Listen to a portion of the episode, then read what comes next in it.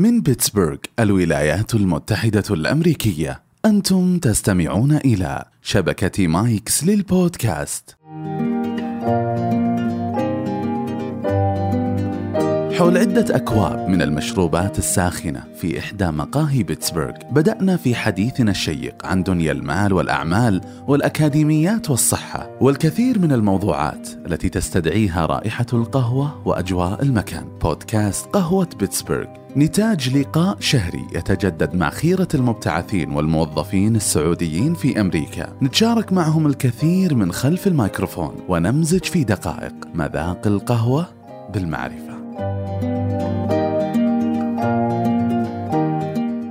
السلام عليكم ورحمة الله وبركاته. أهلا وسهلا بالجميع هذا اللقاء آه الثاني لسلسلة لقاءات خاصة حول آه كوفيد 19 بدأناها الأسبوع الأول من آه رمضان. آه آه قبل أن أبدأ أحب أشكر الملحقية الثقافية السعودية في أمريكا على آه دعمها للقاءات قهوة بيتسبرغ أيضا أحب أشكر الأصدقاء في السعوديين في أمريكا على تعاونهم في نشر هذه اللقاءات. أيضا أحب أذكر إنه هذه اللقاءات كلها مسجلة كبودكاست على بودكاست قهوة بيتسبرغ بالتعاون مع شركة أو شبكة مايكس للبودكاست. اليوم ضيوف مختلفين ومحاور مختلفة. معي الدكتور عهد كبارة من روشستر مينيسوتا. الدكتور حاصل على ال board الأمريكي في الصدرية والعناية المركزة. وهو أيضا حاصل على زمالة في أمراض الرئة الخلالية في Mayo Clinic وحاليا يعمل في Mayo Clinic على زمالة أخرى. أيضا معنا الدكتور محمد العليان طبيب الطبيب النفسي المعروف حاصل على ال board الكندي من جامعة وسترن وحاصل على ماجستير في الصحة العامة من فيلادلفيا. أيضا معنا الدكتورة امتنان القرشي حاصله على درجة دكتوراه في تكنولوجيا التعليم والقيادة من جامعة دوكين وهي أيضا تقود تحول التعليم عن بعد والتقنيه في جامعة تمبل في فيلادلفيا. أهلا وسهلا بالجميع. أهلا وسهلا. حياكم الله. أهلا وسهلا. آه لو ببدأ بسؤال للدكتور عهد وأحب إني أربط اللقاء باللقاء الماضي. تكلمنا في في اللقاء الماضي مع مجموعة من الأطباء عن تجربتهم في إدارة الأزمة. كيف دخل كيف أداروا أزمة كوفيد 19 في المستشفيات؟ كيف دخلت أول حالة؟ إيش صار في البداية؟ هل كانت المستشفيات مستعدة لاستقبال المرضى ولا لا تكلمنا عن تجربة من كليفلاند من ميشيغان من جون هوبكنز ودنا لو نسمع تجربة Mayo Clinic في في موضوع بداية الأزمة ووين وصلنا اليوم بسم الله الرحمن الرحيم والصلاة والسلام على أشرف الأنبياء والمرسلين أولا حاب أشكر جميع الموظفين والعاملين في جميع القطاعات في المملكة في الخط الأول وهو لا يشمل فقط الخط الأول التجمع الصحي والموظفين في القطاع الصحي بل يمتد إلى جميع قطاع القطاعات الأخرى من الصناعية والقطاعات التغذية والتموين والمواصلات والأمنية وغيرها. آه، ثانيا أنا حاب أنوه أول حاجة إنه آه، رأيي لا يمثل مايو كلينيك آه، بينما هو رأي شخصي. اجابه على سؤالك آه، طبعا كان هناك تفاوت في الاستعداد من ولاية إلى أخرى ومن مستشفى إلى أخرى. العامل المشترك في جميع التحديثات أو جميع الأخبار اللي كانت مرتبطة بهذه الجائحة هو عنصر المفاجأة فحتى لذلك يعني كان في كثير حتى بين بين الدول وداخل بعض الدول كان في تفاوت في الاستعداد بالذات في في المنظومات الإدارية. فبالنسبة للمستشفيات مثل عندنا في مايو كلينيك ومستشفيات أخرى في أمريكا كان بعض المستشفيات كان كانت على هبة الاستعداد قبل وصول الجائحة أو أول ما بدأت بعض الحالات تصل إلى أمريكا وهذه صراحة كانت أقلية من المستشفيات في عدد كبير من المستشفيات حتى بعد وصول الجائحة بشهر أو شهرين كان في نوع من التهاون بالرغم من إنه كان عندهم عدد حالات كبير من المصابين بما فيهم بعض الموظفين في المستشفى. لأنه دائما لما يكون أنت عندك بيانات يتم تجميعها على مدى أسابيع واشهر لا يتم تحليلها ونشرها ورسم الاستنتاجات منها وتقديمها إلى الإدارات حتى وقت يكون يعني حيكون عندك حالات وفيات تم تسجيلها وحيكون في الأول في خلط في النظر إلى البيانات. هل كل الناس اللي ماتوا في المستشفى من التاريخ الفلاني إلى التاريخ الفلاني فعلا كان بسبب كوفيد أو بسبب أمراض أخرى مزمنة هي عندهم؟ عشان كذا ارتفع عدد الحالات وما إلى هنالك. بالنسبة لنا عندنا إحنا في مايو كلينيك كان الاستعداد أعتقد في رأيي أنا الشخصي كان ممتاز. حتى لدرجة إنه بعض الأطباء كانوا مستغربين من الحرص الزائد في البداية من إلغاء المواعيد لبعض المرضى أو أغلب العيادات تم إلغاء مواعيدها لمدة أشهر في المستقبل بينما كان عدد الحالات في أمريكا كان قليل. فهو طبعا الاستعداد الاختلاف الاستعداد هذا سبب بعض التوتر بين الإدارات وحتى بين الموظفين وبين المراجعين إنه يكون في عنصر الخوف وهو شيء متوقع إنه لما يكون أنت عندك إدارة قسم أو رئاسة قسم في مستشفى ما عندها درجة معينة من الاستعداد تختلف عن قسم آخر موجود في المستشفى فتحس إنه إحنا مو كلنا على نفس الصفحة زي ما يقولوا. فاعتقد إنه الاستعدادات هذه طبعا طبعا هذه كلها دروس نتعلم منها في المستقبل إذا كانت في جائحة أخرى فأعتقد ان الاستعداد حيكون أفضل حيكون في نوع من التقارب والتوحيد وال والكونسستنسي زي ما يقولوا عشان يكون الاستعداد متشابه وعشان لا تكون في مستشفى مستعدة أكثر من أخرى فتكون المستشفى المقصرة ممكن تاثر على هذه المستشفى اللي هي تكون مستعدة أكثر. جميل جدا. آه، أنتقل للدكتور محمد آه، مثل ما المستشفيات فيها تباين واضح جدا في في آه، الاستعداد لاستقبال المرضى يبدو إن في ناس كانوا نوعا ما مستعدين لمثل هذه الظروف الجلوس في المنزل العمل عن بعد إلى آخره. كيف تشوف تباين الناس بكافة يعني اختلافاتهم العمرية وأيضا الجنس إلى آخره؟ اولا شكرا جزيلا على الاستضافة. آه، التباين آه، ما ما أعتقد إنه في أحد كان مستعد تماما لهالأزمة الازمه جديدة. مفاجئه فاجات الدول فاجات الناس فاجات الانظمه الصحية في كل مكان. هناك تباين واضح طبيعي بين الناس في تأقلمهم مع هذه الأزمة. وسبب التباين هذا هو سبب يعني اختلافنا إحنا كبشر. في أشياء بيولوجية تحدد سلوكنا واستعدادنا وفي أشياء اجتماعية ونفسية موجودة. فلما تكون أزمة مثل هذه تطلع السلوكيات هذه بتطلع ردات الفعل الطبيعية لابد نعرف إنه هذا التباين طبيعي وبناء عليه إنه إحنا ما نلزم الآخرين بطريقة ردة فعلنا لهذا الموقف. يعني التكيف الحاصل آه، في هذه الأزمة مني أنا مختلف تماما عن الدكتور عهد عن الدكتور امتنان عنك شخصيا آه، كل واحد وطريقته في التعامل مع الأزمة. آه، لا ننسى إنه في ناس يعني وإن كانوا في الظاهر ما عليهم خلاف زي ما يقال بالعامي لكن تجد إنهم عندهم نوع من ال attachment أو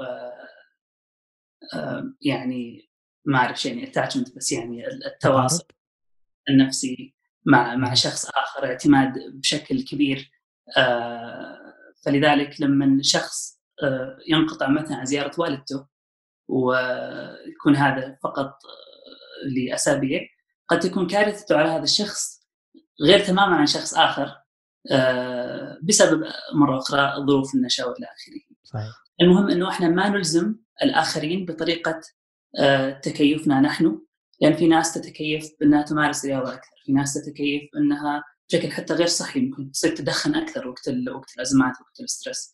في ناس آه، آه، تحب تتكلم، في ناس ما تحب تتكلم.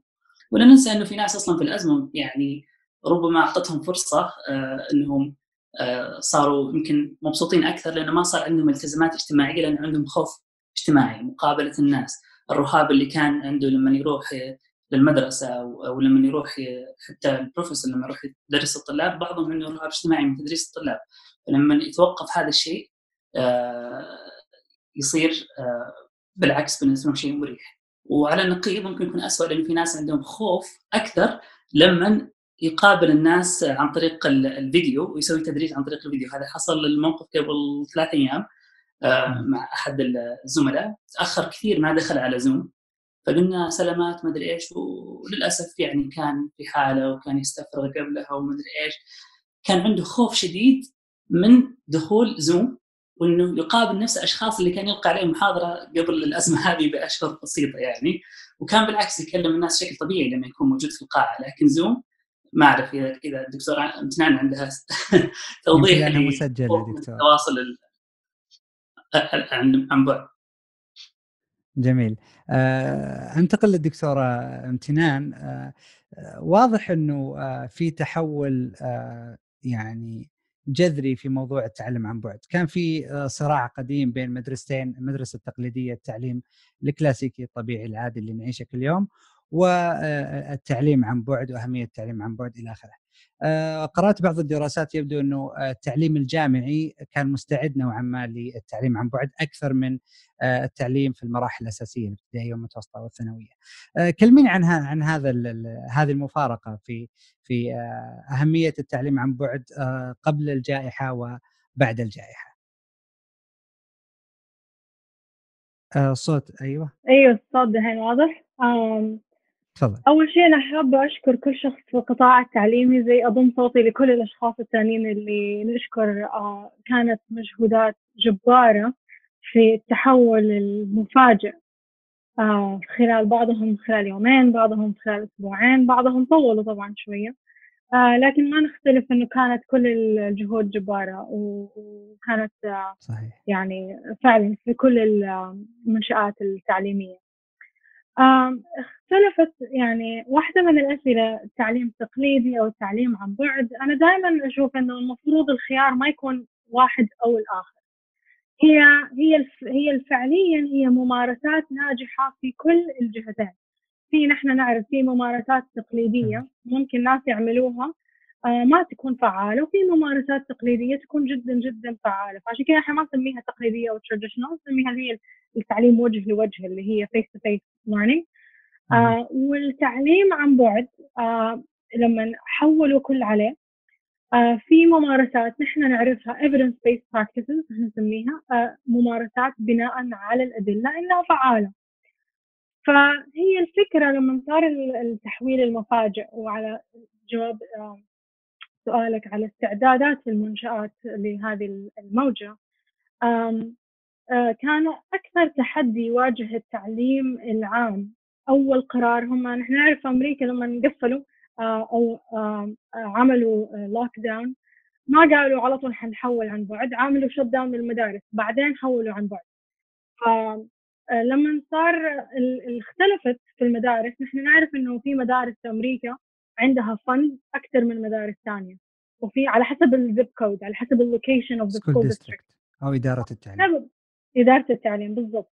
فبهذا السبب خلى ردة الفعل مختلفة.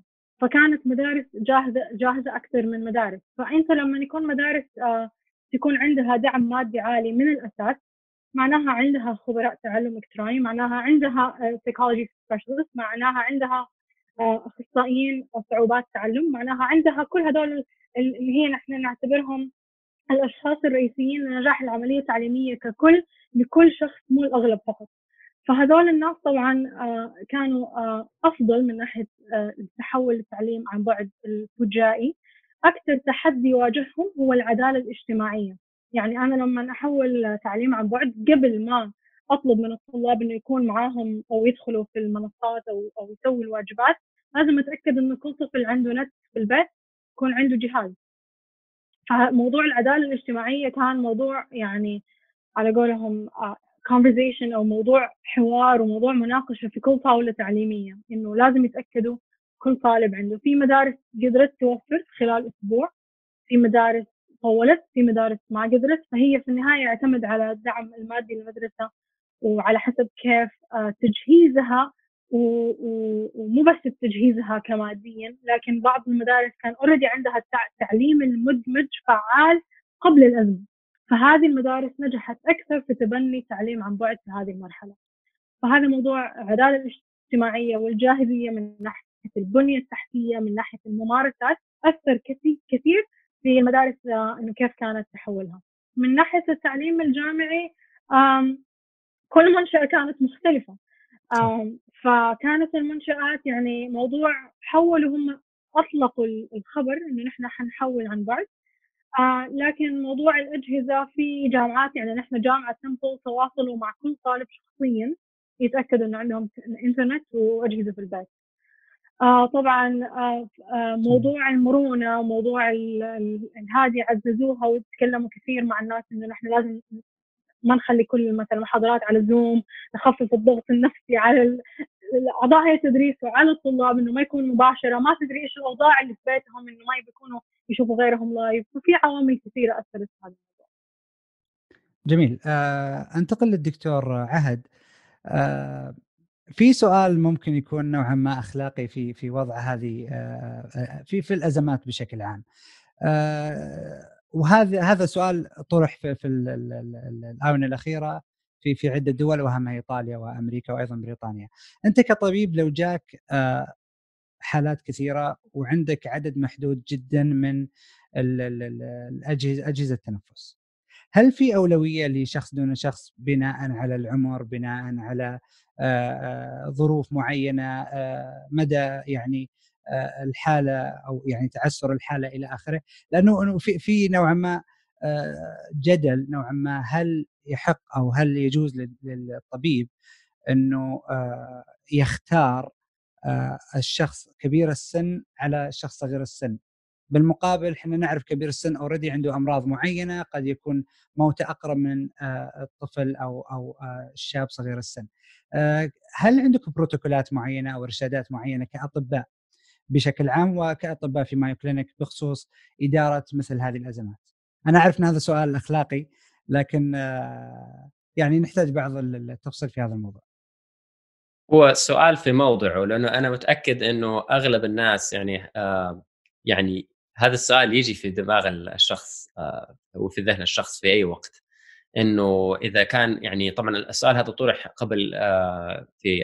في مناهج أخلاقيات المهنة الطبية وفي أبحاثها في السابق في على هيئة آه، إذا كان أنت عندك مجموعة معينة من التطعيمات وانتهت وباقي ما باقي منك إلا عدد معين تطعم مين ولا مين أو نفس الشيء في العلاج آه، كدواء أو في توفر الأدوات الجراحية والى آخره. فتبقى الإجابة في وقت محنة الكوفيد. آه، تبقى إنه لا يوجد هناك أولوية لشخص على آخر بسبب السن أو غيره. لكن أنت لما تصل إلى مرحلة إنك استهلكت جميع الموارد اللي عندك في المستشفى وجوك مريضين في الطوارئ في نفس الوقت نفترض واحد عمره مثلا 75 سنة وإحنا عندنا يعني اشتباه كبير إنه ما راح يقدر ينجو من من الالتهاب. وشخص عمره 20 أو خلينا نقول 25 سنة مثلا وفرصته في النجاة أعلى. آه هذا يرجع آه طبعا آه إلى آه تخصص طب الكوارث وفي هذه الحالات ويبدو أن إيطاليا وإسبانيا تعرضوا لهذه المشكلة. آه، فعلا تم تقديم سمعت عن طريق الأخبار وليس من مصادر مؤكدة علمية أنه تم تقديم بعض آه، بعض الحالات التي يتوقع نجاتها على الحالات التي لا يتوقع نجاتها.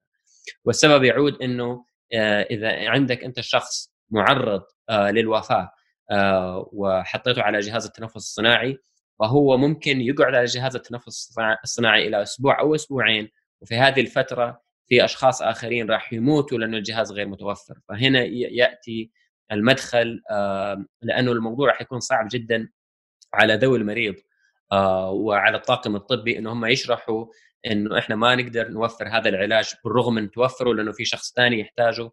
فإحنا ما نقدر نقول من ناحية مهنية أو أخلاقية أو إنسانية إنه حياة الشخص آه، المعين قيمتها أعلى من الشخص الآخر. لا يمكن في أي حال من الأحوال لكن يبدو إنه آه، كما ذكرت في إيطاليا وأسبانيا اضطروا في بعض هذه الحالات ويبدو إنه كان في تقبل حسب ما سمعت. آه، لا يوجد لدينا بروتوكولات حتى الآن لأنه إحنا ما وصلنا إلى مرحلة إنه ممكن آه، نستنفذ أجهزة التنفس الصناعي في المستشفى أو الموارد نظرا لقلة الحالات في ولاية مينيسوتا. فتبقى أساسيات الأخلاقية المتعارف عليها بين الأطباء. إنه لا يوجد فرق بين حياة مريض أو آخر في هذه الحالات حتى هذه اللحظة. جميل جدا. آه أنتقل للدكتور محمد آه كلنا يعني آه لاحظنا في في ظل هذه الأزمة في تغير في سلوكنا إحنا كبشر خوفنا على أنفسنا على أهالينا على الناس اللي حولنا وأيضا في تعاملنا مع الناس آه لعل آه صور ومقاطع الناس في السوبر ماركت وصراعهم على آه المواد الغذائية الأساسية آه دليل يعني واضح على على آه خوف آه وهلع الإنسان من آه المستقبل خصوصا إنه في تضارب كبير في موضوع إلى متى ستستمر هذه الأزمة إلى متى سيستمر الحجر إلى آخره آه كيف تشوف هذا التأثير تأثير آه، مثل هذه الأزمات على الركود آه، الاقتصادي وعلى تاثيرها على سلوكيات الناس؟ طبعا الأزمة هذه آه، أفرزت كثير من السلوكيات اللي شفناها في المجتمع إما اللي اللي شفناها يعني في كل واحد في دولته أنا في كندا وأنت في أمريكا وشفناها عن طريق وسائل التواصل الاجتماعي آه، سواء في في بلادنا في السعودية أو في مكان في مكان آخر. أعتقد آه، الأهم اللي يركز عليه سلوكيات التباعد الاجتماعي، السلوكيات الصحية اللي شفناها مفروضة أكثر آه، ربما في في أمريكا وكندا. لا أعرف تماما أنا ما شفت الوضع جيد في السعودية لكن اللي أشوفه عن طريق المقاطع وإلى آخره يبدو أن الالتزام يكون أقل في موضوع التباعد الاجتماعي والحرص عليه. آه، هل هل السلوكيات هذه آه، ستستمر آه، لفترة أو لا تستمر؟ طبعا كل اللي حنقوله يعني هو مجرد توقعات سبيكيليشنز أو إلى آخره. صحيح. لكن كلما طالت الأزمة كلما أصلت السلوك بحسب الجاري في أي دولة، فمثلا لو كان التباعد الاجتماعي فعلا مفروض وممارس بشكل يومي على الجميع فيبدأ الناس فعلا يتشربون حكاية إنه آه لازم ننتبه نضع مسافة مترين آه لما نتحدث مع الآخرين نترك مسافة إلى آخره آه لبس الأقنعة إلى إلى إلى إلى فترات قد قد يكون آه موجود. فأتصور انه إنه السلوكيات هذه بتستمر لفترة معينة. لكن إذا كانت فقط حكاية حجر صحي وانت موجود في البيت طول الوقت وما تمارس سلوكيات فعلا خارج المنزل مثل ممكن اللي موجود في بعض المدن السعودية آه، قد إنه لا نجد آه، بعد الأزمة إلا rebound phenomena إنه نطلع من البيت نركض على التجمعات خصوصا إحنا إحنا مجتمع social آه، ونحب الاجتماعات والطلعات والى آخره متشوقين لها وعندنا يعني تعطش نفسي للاجتماعات. فأنا يعني بين بين متخوف من من ردة فعل مثل هذه إنه الناس يخرجون فجأة بدون أي مراعاة لحكايه التباعد الاجتماعي. وفي ناس ممكن قد تكون أكثر وعيا آه، قد تستمر معها لفتره لكن على كل حال الأمور هذه كلها بعد فترة مثل ما حصل في أزمة سارز والأزمات السابقة في بعض الدراسات عليها انه الأمور هذه بعد فترة تقل وترجع لحليمة لعادتها القديمة ويكون التواصل زي ما كان موجود في السابق. جميل طيب هل هذا ينطبق أيضا على آه، سلوكيات الناس في آه، آه، مثلا النظافة التعقيم بدأنا نوسوس دكتور يعني حتى لو لمست بالمرفق لازم أروح وأمسحه وأغسله 20 ثانية بالصابون وأستخدم معقمات فيها نسبة كحول أكثر من 60% إلى آخره. ما ألمس أحد ما أكلم أحد حتى أطفالي إذا دخلت البيت لا يمكنني إني أعطيهم ضمة إلا لما أروح أغسل يديني ومرفقي ووجهي إلى آخره. بس عشان أتأكد إنه ما يصيبهم هذا الفيروس. هل سيستمر هذا الشيء حتى بعد ال ال الأزمة؟ أول شيء لازم ندرك إنه هذا كل الارتفاع في القلق والممارسات القلق هذه طبيعية جدا ولا بد إنها تكون موجودة. والإحساس بأنها طبيعية أصلا يعطينا نوع من الهدوء. آه يعني إذا إذا كان هذا آه سلوك آه للناس عامه فما بالك لما آه، الطبيب أو الممارس الصحي يسويها. يعني أنا السكرب أفسخه في السيارة قبل أدخل البيت وعلى طول على ارميه في الغسالة وأحاول ما أسلم على احد وأدخل وأخذ شاور يعني الموضوع متعب لأنه أنا اختلط بمرضى وزملاء آه، كذلك يختلطون مرضى فلازم الواحد يكون حريص أكثر صحيح. آه، هل هذا شيء سيستمر؟ لا إن شاء الله ما راح يستمر لأنه في الأخير الخوف اللي إحنا فيه هذا سي... بعد فترة بيقل آه ولو تلاحظ إنه في بدأت علامات الآن تقرأها في المجتمع إنه نوع من الاطمئنان الموجود. والاطمئنان هذا قد آه حتى يخلينا نترك الممارسات هذه من بدري آه، من قبل ما تكون من المفروض نتركها. آه، فهذا طبيعي وليس وسواس قهري هذا قلق عام عند الناس طبيعي في مكانه الطبيعي لأنه بدون قلق بدون خوف ما راح يتغير سلوكنا. وهذا هو المطلوب أن نخاف بقدر معقول نغير سلوكنا بقدر معقول حتى نحمي أنفسنا والناس اللي حولنا.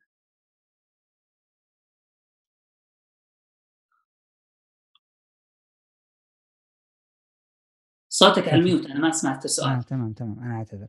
آه في ظل هذه هذه آه، المشاكل السلوكية حتى أنها تتفاقم مع الوقت بسبب الحجر لأسباب الركود الاقتصادي والابتعاد التباعد الاجتماعي إلى آخره. هذا أيضا يعني ينقلنا إلى المحور التعليمي، الآن آه، بدأنا نقدر نوعا ما مهنة المعلم، أنا شخصيا على الأقل آه، يعني أرفع القبعة للمعلم اللي كان يتحمل مجموعة كبيرة من الأطفال طول اليوم من الصباح إلى الظهر. آه، أنا عندي أطفال كلنا عندنا أطفال بتنا ملزومين إنه نعلم أبنائنا ونسوي control على موضوع الدراسه ويسوون الواجبات اولا بأول ويرفعون اونلاين إلى آخره. كان الوضع صعب ما كنا جاهزين إحنا كأولياء أمور لهذا الموضوع. كيف كان بالنسبة للمدارس؟ تكلمت دكتورة في البداية إنه في مدارس كانت اوريدي مستعدة.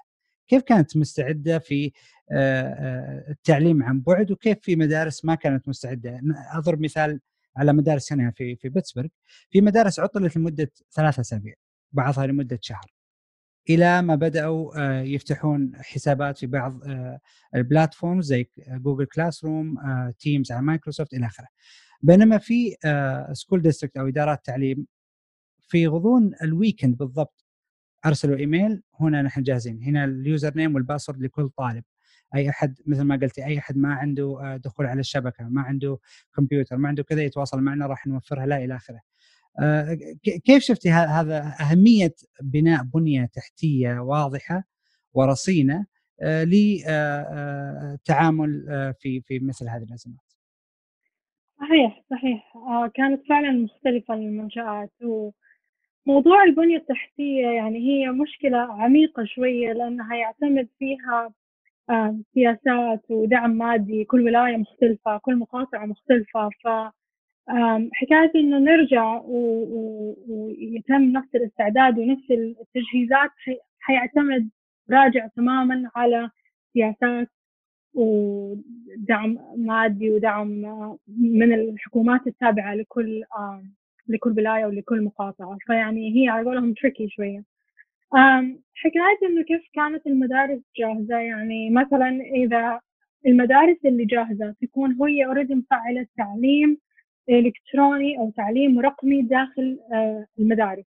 فبحيث إنه هم عندهم platforms ومنصات آه، الأطفال يكون طبعا دائما نحن نعرف التعليم هي جزء جزء منه. إن أنت لازم تكون فعليا حاضر آه، في تجارب تعملها في معامل على قولهم physical لازم تكون موجود تشوف تجارب آه، تعيشها.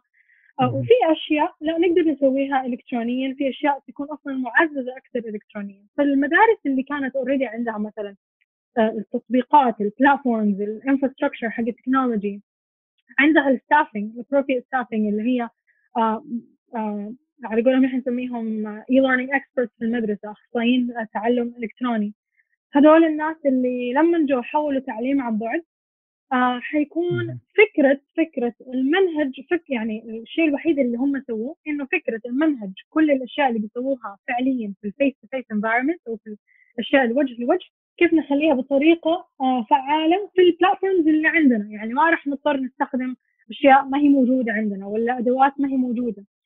آه بيكونوا اوريدي المعلمين مدربين مدربين على أساليب فعالة في مشاركة الطلاب في طريقة اللي هي نحن نسميها asynchronous activities اللي هي آه، مشاركات غير تزامنية بطريقة أن الطلاب فعلا يتعلموا في هذه المرحلة. آه، الناس اللي اللي ما كان عندهم هذه التجربة حضطروا مثلا فتحوا حساب في زوم آه، إذا قالوا للطلاب يلا نتبع نفس الجدول هذه أسوأ ممارسة ممكن نسويها لأنه مستحيل أنك تاخذ بيت فيه الأطفال تقول لهم كلكم تمشوا على نفس المدرسة الجدول حق المدرسة بأجهزة مختلفة بأنظمة مختلفة ب يعني بعضهم حتى يعني عندهم أبوين بعضهم لا.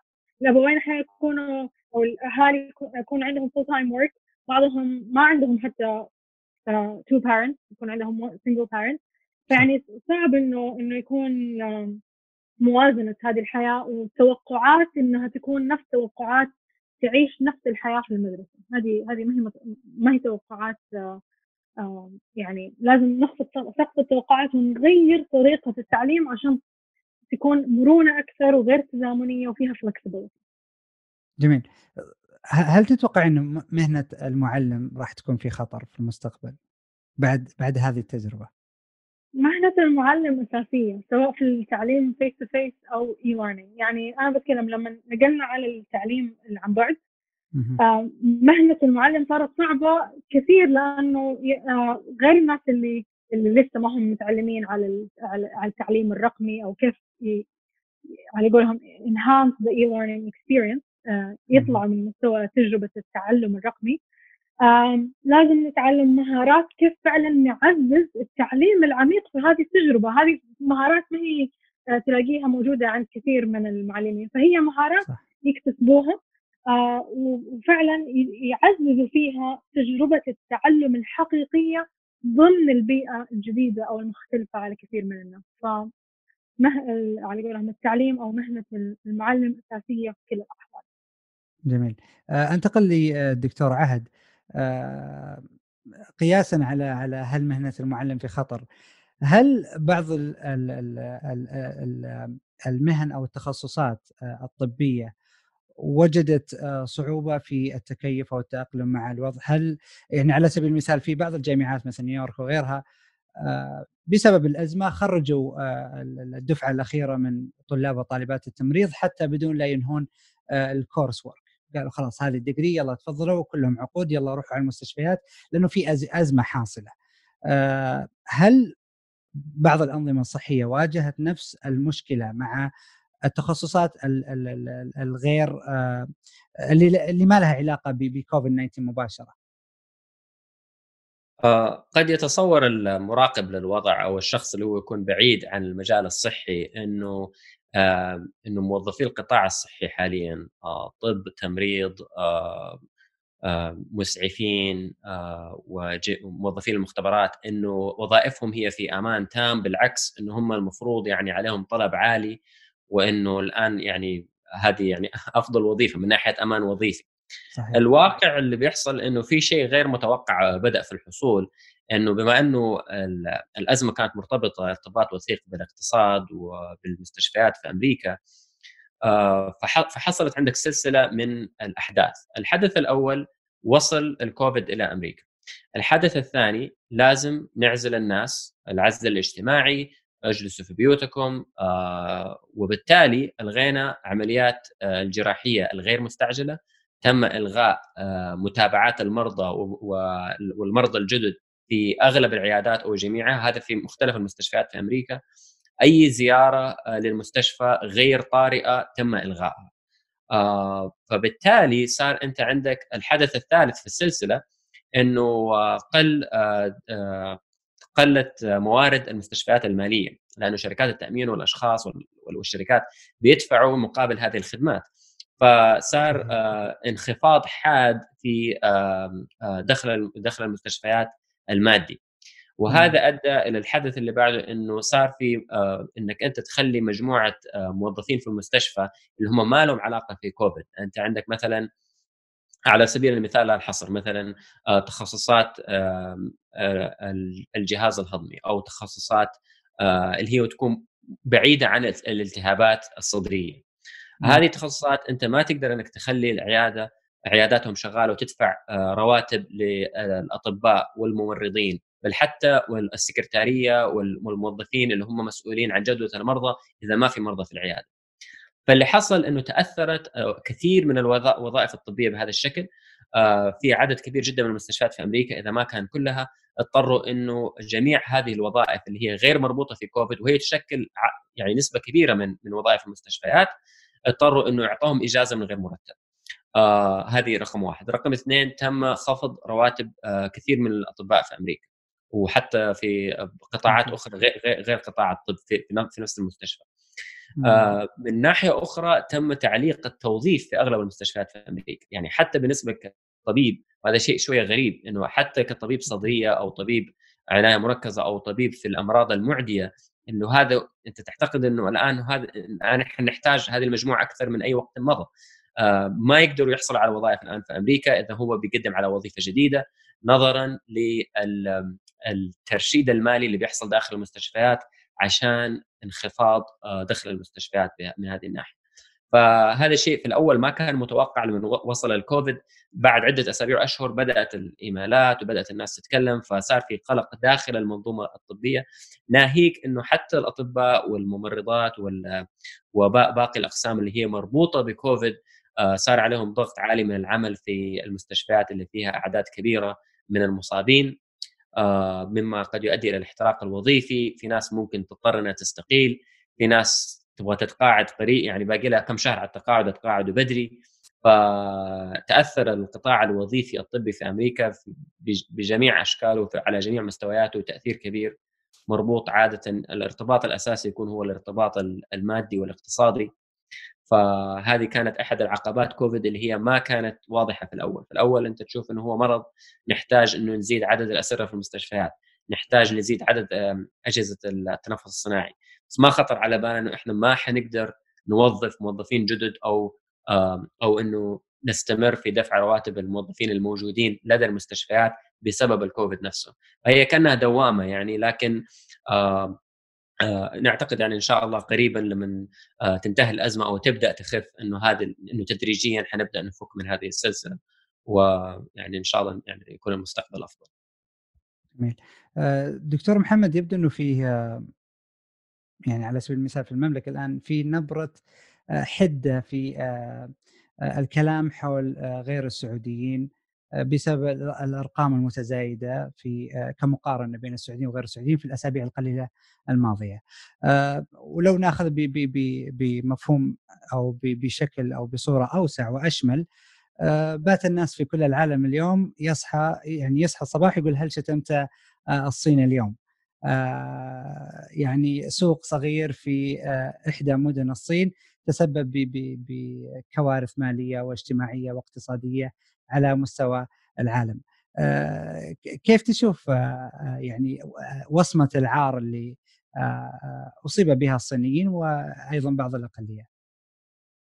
طبعا هذه هذه قضية أعتقد إنها كبيرة وإحنا في بداية السنو بول يعني في بداية كرة الثلج وستكبر مع مع الوقت أكثر مع الممارسات ومع آه، الرسائل اللي تنشر في وسائل التواصل إلى آخره. آه، حتى الآن توجد وصمه أكيد بلا شك تجاه الصينيين. آه، وربما تكون ليست بذاك الحدة في مجتمعات متجانسة مثل المجتمع السعودي اللي ما فيه يعني خلينا نقول صينيين كثيرة ومختلطين بالمجتمع. لكن الصينيين والعرق الآسيوي آه، بشكل عام تجد أنه آه، يتعرضون آه، لمثل هذه الوصمة وإن كانت في كثير من الأحيان ليست منطوقة وإنما social cues يعني إشارات ضمنية اجتماعية حتى إنه ال CDC في أمريكا كتبت في صفحتها في الكوفيد 19 عن هذا الموضوع تحديدا وقالت إنه إنه الصينيين أو العقل الآسيوي بشكل عام آه، معرض للوصمه هذه. آه، ناخذ هذه الوصمة السلبية ونجرها برضو على الأقليات الموجودة في المملكة السعودية لأنه آه، مع الريبورتنج اللي يجي من وزارة الصحة بخصوص الأعداد واللي يعني صرنا نسمعه أكثر في الأيام الماضية إنه صار ينطق حكاية إنه آه، كم نسبة السعوديين وغير السعوديين واضح بشكل كبير إنه نسبة غير السعوديين يشكلون نسبة عالية جدا في إصابات كوفيد 19 على الأقل الأسابيع القليلة الماضية صحيح. إي في الأسابيع القليلة الماضية. فهذا شيء سوف يخلق آه، إن لم يكن خلق عند الناس already يعني آه، نوع من الحنق أو نوع من يعني السلبية تجاه الأقلية. وهذول الناس آه، يعني هم لابد أن ينظر لهم آه، على أنهم ضحايا من ضحايا آه، هذا الفيروس. اللي لا أحد كان يتمنى أنه يوجد لا عند السعوديين ولا غير السعوديين. وبنفس الوقت ننظر كذلك إلى حكمة القيادة السعودية من البداية لما اتخذ القرار في الأسابيع الأولى بمعالجة المقيمين والمقيمين المخالفين لأنه إحنا نعرف إنه الفيروس لا يشتهي غير غير السعوديين وإنما يذهب للتجمعات الضيقه هو لا يقصدهم تماما لانهم ما معهم الجواز السعودي.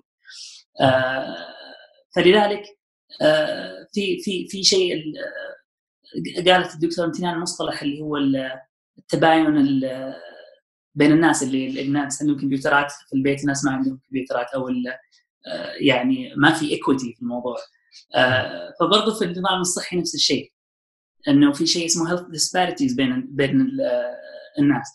بسبب أعراقهم أو لسبب ظروفهم الاجتماعية أو لونهم والى آخره. فهم يقعون تحت طائلة هذا التباين آه، الصحي. ولذلك لابد إنه تعطى معلومات أكثر آه، من الجهات اللي تنشر هذه الأرقام. آه، لأنه لما تقول ترى 90% غير سعوديين و10% سعوديين تجعل الناس ينظرون فقط إلى هذه الصورة بينما تخيل إنه آه، تقال آه، لو قلت لك أنا إنه 90% من المصابين يسكنون في شقق و10% من المصابين يسكنون في بلد مثلا يعني أو إنه آه، دخل الناس هؤلاء اللي أصيبوا بالفيروس دخلهم أقل من يعني دخل معين في السنة بينما اللي ما أصيبوا دخلهم أكثر من كذا. فكل ال demographics هذه اللي إحنا نسميها demographics في البحث العلمي طبعا لابد أن تكون موجودة ومنشورة ويعتمد عليها الناس في تداولها سواء المختصين أو حتى الصحفيين في تداول هذه الأخبار لأن كل ما توفرت المعلومة للقارئ مختص أو غير مختص يقدر آه، يسوي لها تحليل مناسب فما نضع الناس المظلومين بهذا الفيروس آه، في هذه الزاوية الضيقه لأنهم هم ضحايا وليس ذنبهم أنهم تلقفوا هذا الفيروس. جميل جدا. آه، آه، أنتقل للدكتوره آه، امتنان تكلمتي بشكل موجز في البداية عن التباين الواضح في بعض إدارات التعليم في توفير الأجهزة أو المواد المطلوبة للتحول الرقمي. السؤال هل نحن جاهزون للتحول الرقمي المدمج التحول الأساسي وأيضا التحول الرقمي في في ان واحد كم تعتقدين إنه ممكن نحتاج كبناء بنية تحتية رصينة آه، في مدارسنا في المملكة على سبيل المثال ل آه، آه، مثل يعني للخروج من مأزق مثل هذا بأقل الخسائر. سؤال مرة جميل. واحدة من الأشياء اللي يعني زي ما ذكرت فكرة التعليم المدمج وفكرة التجهيزات اللي هي تتبناها المنشآت التعليمية. أنا أشوف في المملكة يعني ما شاء الله تبارك الله ال ال ال الإيرادات والإمكانيات والدعم المالي بيصب على التعليم بشكل جدا كبير. ودائما نحن نشوف ونشوف الأرقام وتعلن عنها يعني ما هو شيء آه، ما حد عارفه. آه الفكرة هي هي تبني مفاهيم تغيير مفاهيم على إنه كيف يعني أنا دائما أقول المعلمين اليوم هيئة التدريس كل الناس اللي في في التعليم لما كنا نحن حتى نحن لما كنا نحن طلاب ما مرينا ما كان عندنا اكزامبل ما مرينا بالتجربة إنه يكون عندنا تعليم رقمي أو تعليم إلكتروني أو تعليم عن بعد نشوف كيف ممكن يطبق بطريقة جيدة وفعالة. فما ما في عندنا examples وأمثلة نعتمد عليها فهي التحدي إنه صار في generation gap يعني دحين جي جيل مختلف آه، تربى مع التكنولوجيا وعاش مع التكنولوجيا وينام يصحى على معاها وجيل اللي هم الأكبر اللي لسه المفهوم جديد عليهم. ولازم نعرف يعني هي صحيح الأجيال كبرت مع التكنولوجيا لكن هذا لا يعني إن هم يعني يستخدموها مثلا مثلا ال social media في communication و interaction يتواصلوا مع غيرهم لكن مو عشان يعززوا العملية التعليمية. هذه شيئين آه، فرق كبير بين الشيئين. الجيل اللي هم دحين إحنا الاديوكيترز المعلمين والاساتذه في الجامعات أكبر تحدي دحين يواجههم التهيئة التهيئه لهذه البيئة الجديدة على الجميع. آه، فهي على قولهم preparation training يعني إحنا دائما نشوف لما يشتكوا أحيانا أو مو يشتكوا الأغلب كطلبة أو ناس يقولوا الجودة جودة التعليم عن بعد أو جودة البيئة التعليمية هذه كيف نكون مستعدين لهذا الشيء. نحن نعرف إيش هي الممارسات وإيش الأدلة الناجحة هي فكرة كيف تطبيقها والتدريب عليها. فالتدريب التهيئة حيكون يعني أكبر تحدي على قولهم changing belief تغيير مفاهيم وممارسات جديدة على ناس ما تعودوا عليها وما شافوها وما جربوها. جميل. آه، قبل أن أنتقل للدكتور عهد بودي تعليق من الدكتور آه، محمد. آه، مثل ما تكلمنا الآن في أهمية بناء بنية تحتية يعني رصينة للتعليم أيضا في في المجال الطبي. يبدو إنه الطب النفسي لديه تجربة سابقة ناجحة في موضوع الطب الاتصالي أو التعامل مع المرضى عن بعد. كيف تشوف أهمية نقل مثل هذه التجربة للتخصصات الأخرى بعدين أخذ مداخله دكتور عهد تفضل دكتور محمد. طبعا في في موجة عامة بشكل عام في في الطب خلال العقدين الماضية بحكاية الطب التواصلي أو التليميديسن. ومن ضمنها التليسيكاتري أو يعني الطب النفسي من خلال التواصل عن بعد أنا لا أستطيع الجزم إنه إنه الطب النفسي هو الأول في هذا المجال لكنه أعتقد إنه متميز بسبب يعني أسبقيته في الموضوع وسهولة إلى نوع ما بمقاربه التخصصات الطبية الأخرى في في حكاية التقييم النفسي والعلاج عن طريق التواصل عن بعد. لأنه واحدة من العوائق الكبيرة الموجودة مثلا بين إنه الطبيب يشوف مريضه عن طريق الشاشة حكاية الفحص الطبي الفحص الجسدي إلى آخره. بينما في الطب النفسي إلى حد كبير إحنا نعتمد على حكاية التواصل آه، الشفهي والملاحظة آه، بالعين والتصرفات. آه، طبعا في حالات معينة إحنا نحتاج إلى الفحص السريري. لكن في الأماكن اللي فيها بنية تحتية جيدة لما يكون في مثل الحالات هذه يجي المريض حتى لو كان في مكان بعيد تجي معه الممرضة والطبيب يقدر يسأل المرضى إنها تسوي الفحص الفلاني إلى آخره. آه، أعتقد إنه الدول اللي آه، أخذت شوط جيد في البنية التحتية للتليميديسن آه، عموما والتليسيكاتري أو الطب النفسي عن بعد أعتقد إنه تفاعلها مع الأزمة كان سريع وسلس بشكل كبير على سبيل المثال أنا هنا في كندا لي already أنا أسوي telemedicine telepsychiatry من خمس سنين. فلما جاءت الأزمة هي عبارة إنه أنا كلمت مريض بدل ما تجي العيادة خلاص أنا أشوفك عن طريق الفيديو. آه، لأنه هو موجود ال set موجود ال system موجود.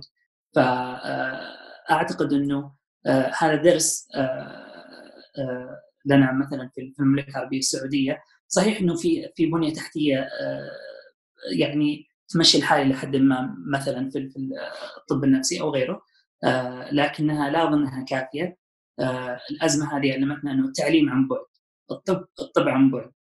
خيارات أخرى للتواصل عن بعد لابد تكون مطروحة وبجدية ويعني تؤخذ آه، بمحمل الجد خصوصا في ظل الظرف الاقتصادي اللي إحنا نمر فيه لأنه الدراسات أثبتت بشكل كبير أنه تيليسيكاتري تحديدا أو الطب النفسي عن بعد نفقاته آه، وتكلفته أقل. طبعا بعيدا عن يعني بداية البنية التحتية لكن كتواصل المريض مع الطبيب يقلل لأنه ما عندك تكلفة مواصلات آه، تكاليف إدارية كثير تقل. فلابد أن إحنا نضع انفستمنت أو استثمار من الآن في هذا في هذا الموضوع.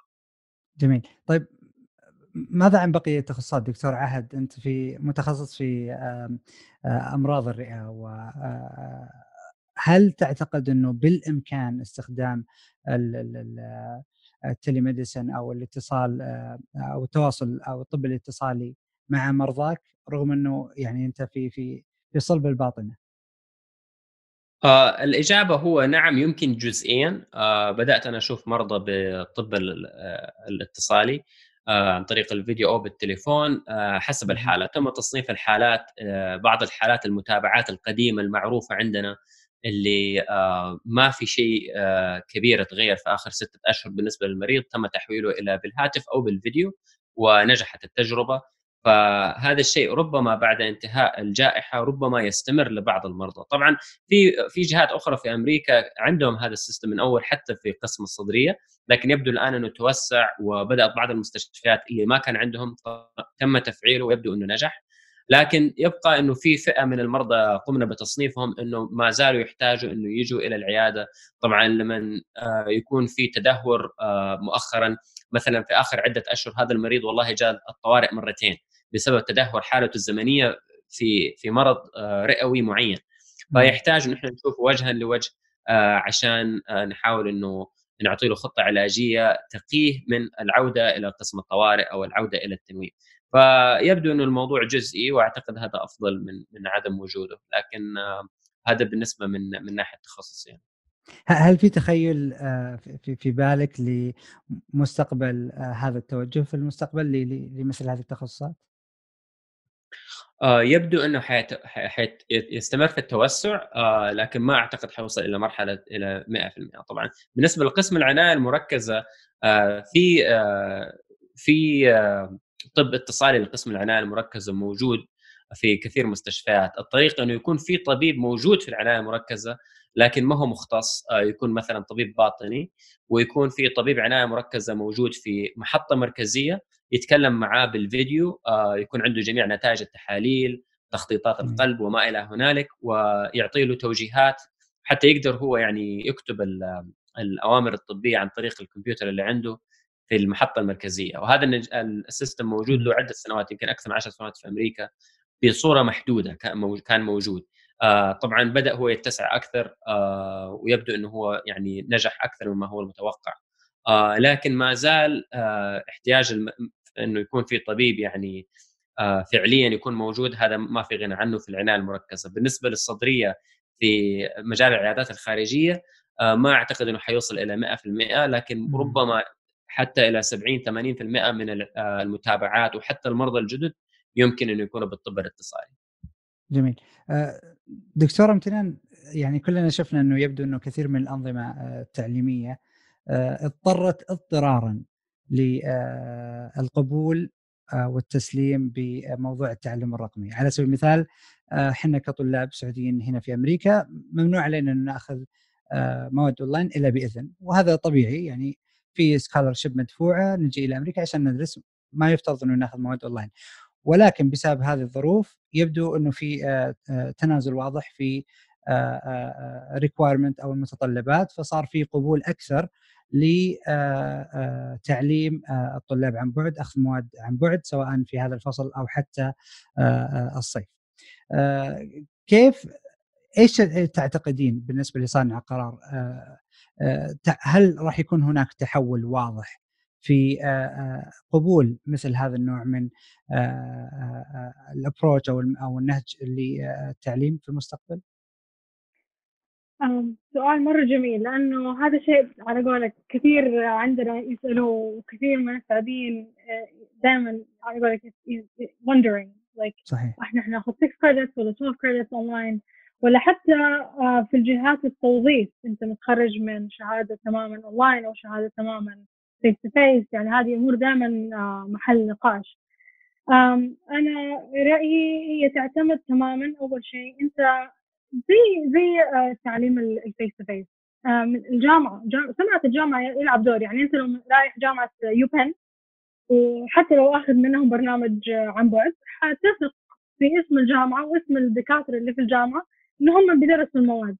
آه إذا إذا البرنامج معتمد اكاديميا يعني نحن برامج التعليم عن بعد لها اعتماد أكاديمي.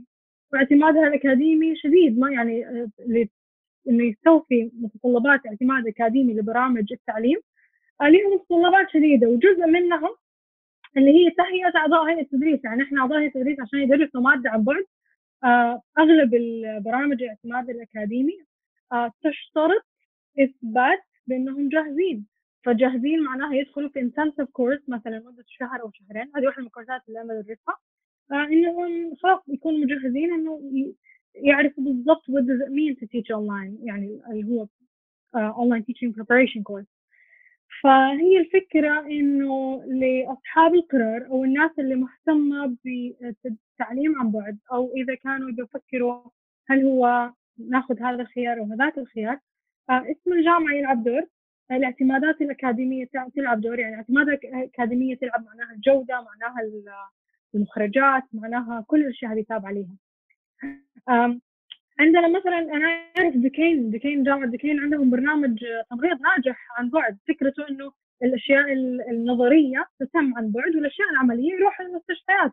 فيعني هي فكرة التعليم عن بعد فكرة آه، تطبق تقدر يمكن تطبيقها بشكل جدا فعال آه، في التعليم العالي بس يبغى لها تخطيط ودراسة مضبوطه من ناحية الاعتماد إذا الملحقيات أو وزارة التعليم تطلع لاعتماد برامج زي كذا للمبتعثين أو أو الناس اللي حتى في السعودية مو لازم يبغوا يطلعوا ابتعاث يبغوا ياخذوا شهادة من جامعة أمريكية عن بعد لازم تختار الجامعات بعناية وشوف مين هي الجامعات المعتمدة عندها اعتماد أكاديمي هذه البرامج.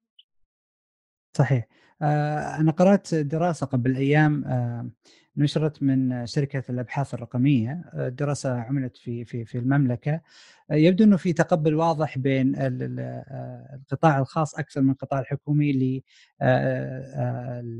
للعمل عن بعد. أيضا كمستوى للطلاب. التعليم دون الجامعي وأيضا الجامعي.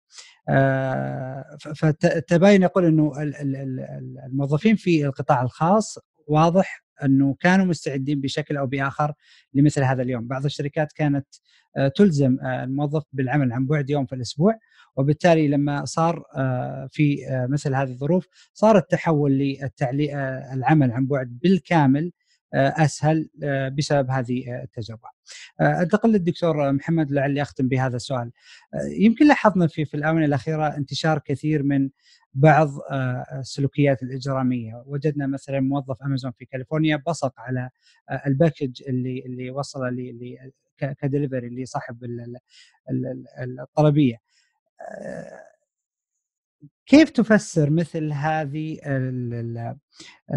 السلوكيات آه، كيف تنتشر ولماذا يستخدمها هذا الناس في في في, في هذه الظروف؟ حتى في المملكة بالمناسبة وجدنا مقاطع بعض ال ال آه، يعني آه، ما ذكروا مع عماله أو لا يعني يستخدمون البصق في وضع على مقابض السيارات على عربات التسوق إلى آخره.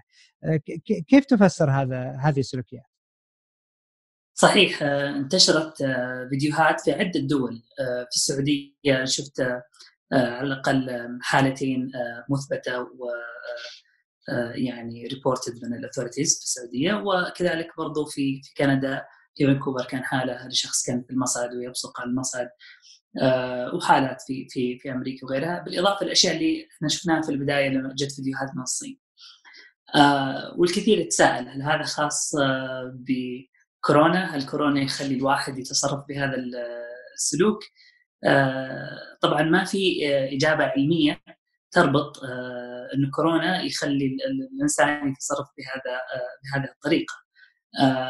لكن لما ننظر للأمراض المعدية بشكل عام وللدراسات القديمة بنلاقي إنه في ناس عندهم نوع من الخصال الإجرامية أو نسميها سلوك آه، بالأصح سلوك آه، عدواني تجاه المجتمع. آه، فيقوم يسوي أشياء من أجل إنه ينشر هذا المرض الموجود فيه. وأكثر الدراسات عملت على فيروس ال HIV اللي هو الايدز ف يعني في ناس اللي هم يمارسوا الجنس مع الآخرين بدون ما يعلم الطرف الآخر إنه هو مصاب فيروسات الكبد الوبائي. ف درست هذه الحالات وانتشرت فترة طويلة آه، لحد ما إنه حتى الحكومات يعني في كثير من الولايات في أمريكا وموجود هذا الكلام في كندا ودول أخرى انه إنه اللي آه، يمارس الجنس مع مع الآخر وعنده مثلا الاتش اي في without disclosure بدون ما يخبر الشخص الآخر آه، يثبت عليه يعني إنه هذا عمل إجرامي ويكون عليه عقاب قانوني. وش التفسير النفسي لهذا؟ آه، مش واضح غير إنه آه، سلوك إجرامي وليس خاص بالفيروس نفسه. طبعا في حالات معينة آه، ارتبطت بسلوك غير طبيعي لما يصاب الواحد بفيروس كورونا أو حتى غير من الفيروسات يكون في نوع من الالتهاب في الدماغ فيكون في تصرفات لكنها غالبا تكون تصرفات غير مرتبة وتصرفات ديس يعني الواحد ملخبط يشوف أشياء أو إنه يعني مش واعي باللي حوله. لكن الحالات اللي شفناها فقط إنه يروح يبصق حتى ينشر هذا هذا المرض. فممكن نسحبها على الملاحظات السابقة إلى أن يثبت لنا بالدليل العلمي إنه والله لا والله في شيء خاص بكورونا يخلي أو يجعل مجموعة من الناس تتصرف بهذا التصرف. وهي طبعا لما ناخذ الآن فوق 3 مليون شخص أصيب وسبعة ستة فيديوهات ما نقدر نقول إنها هذه تمثل ظاهرة حتى نجزم آه، بأنها ظاهرة. في أشياء نادرة أخرى جدا يعني تنسحب أو لا تنسحب، في ناس يستمتعون إنه الآخرين آه، مثلا يلمسون شيء تبعهم أو نوع في نوع من النشوة الجنسية آه، بحيث ان الآخرين يلمسون البادي فلويدز تبعتهم فتعطيهم نوع من النشوة والسعادة. طبعا هذا نشوة تعتبر جنسية مرضية غير غير سوية. آه، فهذا هو التفسير الآن اللي آه، موجود إنها خصال إجرامية أكثر من أي شيء ثاني أو شيء له علاقة بكورونا فقط. جميل. آه بقي معنا دقائق معدودة دكتورة أمتنان تحبين تختمين آه بكلمة بخصوص آه التعليم عن بعد أو التعليم الإلكتروني.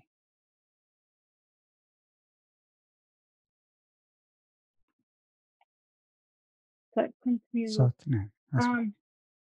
آه. واحدة كلمة أنا ممكن أختمها آه في موضوع النظرة المستقبلية يعني نحن نعرف دحين حيكون لها أثر ال ال ال الأزمة اللي نحن فيها لها توابع ولها أثر وزي زي زي كل القطاعات والقطاع التعليمي هي أحد القطاعات خصوصا حنلاقي نوعا ما فجوة بين زي ما نحن شايفين في مدارس كانت مستعدة مدارس غير مستعدة حنلاقي الفجوة موجودة. وبعض الباحثين تكلموا وقالوا إنه المخرجات حتعتمد على الناس اللي اعتمدوا على الجودة وليس فقط على استمرار العملية التعليمية.